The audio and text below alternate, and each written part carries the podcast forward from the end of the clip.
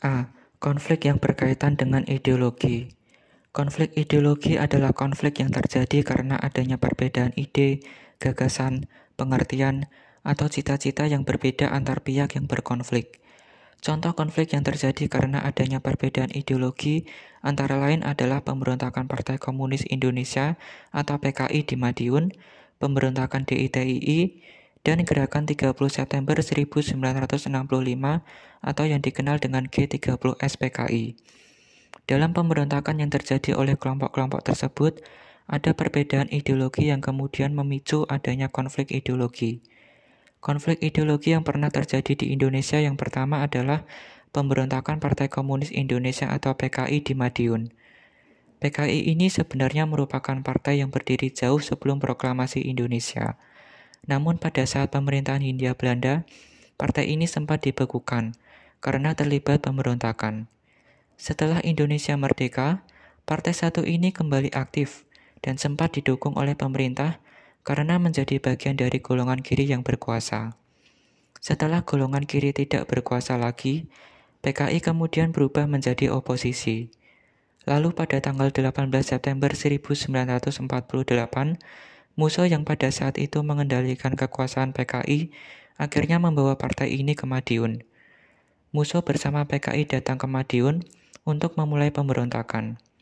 Pemberontakan tersebut dipicu oleh keinginan Partai Komunis Indonesia atau PKI untuk merubah ideologi Indonesia menjadi komunis.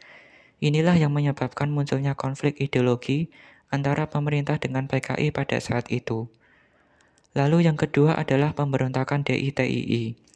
Terjadinya pemberontakan DITII dipimpin oleh Sekar Maji Marijan Kartosuwiryo yang pada saat itu menentang hasil keputusan perjanjian Renville dengan Belanda yang menginginkan tentara Republik Indonesia untuk pergi dari Jawa Barat yang diklaim sebagai milik Belanda. Dari situ Kartosuwiryo yang merupakan seorang tokoh dari Partai Sarekat Islam Indonesia atau PSII memutuskan ingin mendirikan negara dengan sistem ideologi yang ia miliki. Pada saat itu ia ingin menjadikan Indonesia sebagai negara Islam. Kemudian dibentuklah Tentara Islam Indonesia atau TII yang tadinya bertujuan untuk melawan Belanda, tetapi berubah menjadi ingin menjadikan Indonesia sebagai negara Islam. Tentunya ini tidak sesuai dengan ideologi yang dimiliki oleh Indonesia. Puncaknya pada Agustus 1948, DI Jawa Barat, Kartosuwiryo menyatakan pembentukan Darul Islam atau Negara Islam DI bersama dengan TII dan menolak mengakui adanya RI. Karena ada indikasi kalau gerakan yang dipimpin oleh Kartosuwiryo ini mengancam kestabilan bangsa Indonesia. Akhirnya pemerintah tidak tinggal diam.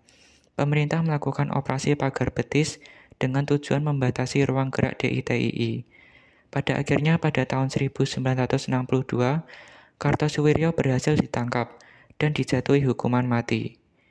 Lalu yang ketiga adalah gerakan 30 September 1965 atau G30 SPKI. Terlepas dari pemberontakan yang dilakukan oleh PKI di Madiun, PKI menjadi partai yang semakin berkembang sebagai partai oposisi. Bahkan hal ini didukung oleh kedekatan PKI pada saat itu dengan Presiden Soekarno sebagai upaya untuk menghindari konflik dengan tentara. Peristiwa gerakan 30 September 1965 ini disebabkan oleh berkembangnya sebuah isu. Jadi pada saat itu ada isu yang berkembang, kalau Dewan Jenderal di Angkatan Darat ingin menggulingkan Presiden Soekarno. Kemudian terjadilah pemberontakan oleh PKI. Dengan dipimpin oleh Letnan Kolonel Untung, PKI melaksanakan aksi gerakan 30 September. Terjadilah penculikan dan pembunuhan tujuh jenderal dan perwira. Ketujuh orang ini kemudian dimasukkan ke dalam sumur tua di daerah Lubang Buaya. Melihat situasi yang memanas seperti itu, Panglima Komando Strategis Angkatan Darat Mayor Jenderal Soeharto kemudian ditugaskan untuk mengambil alih pimpinan Angkatan Darat untuk melaksanakan aksi pemberantasan dan penumpasan PKI baik di pusat maupun daerah.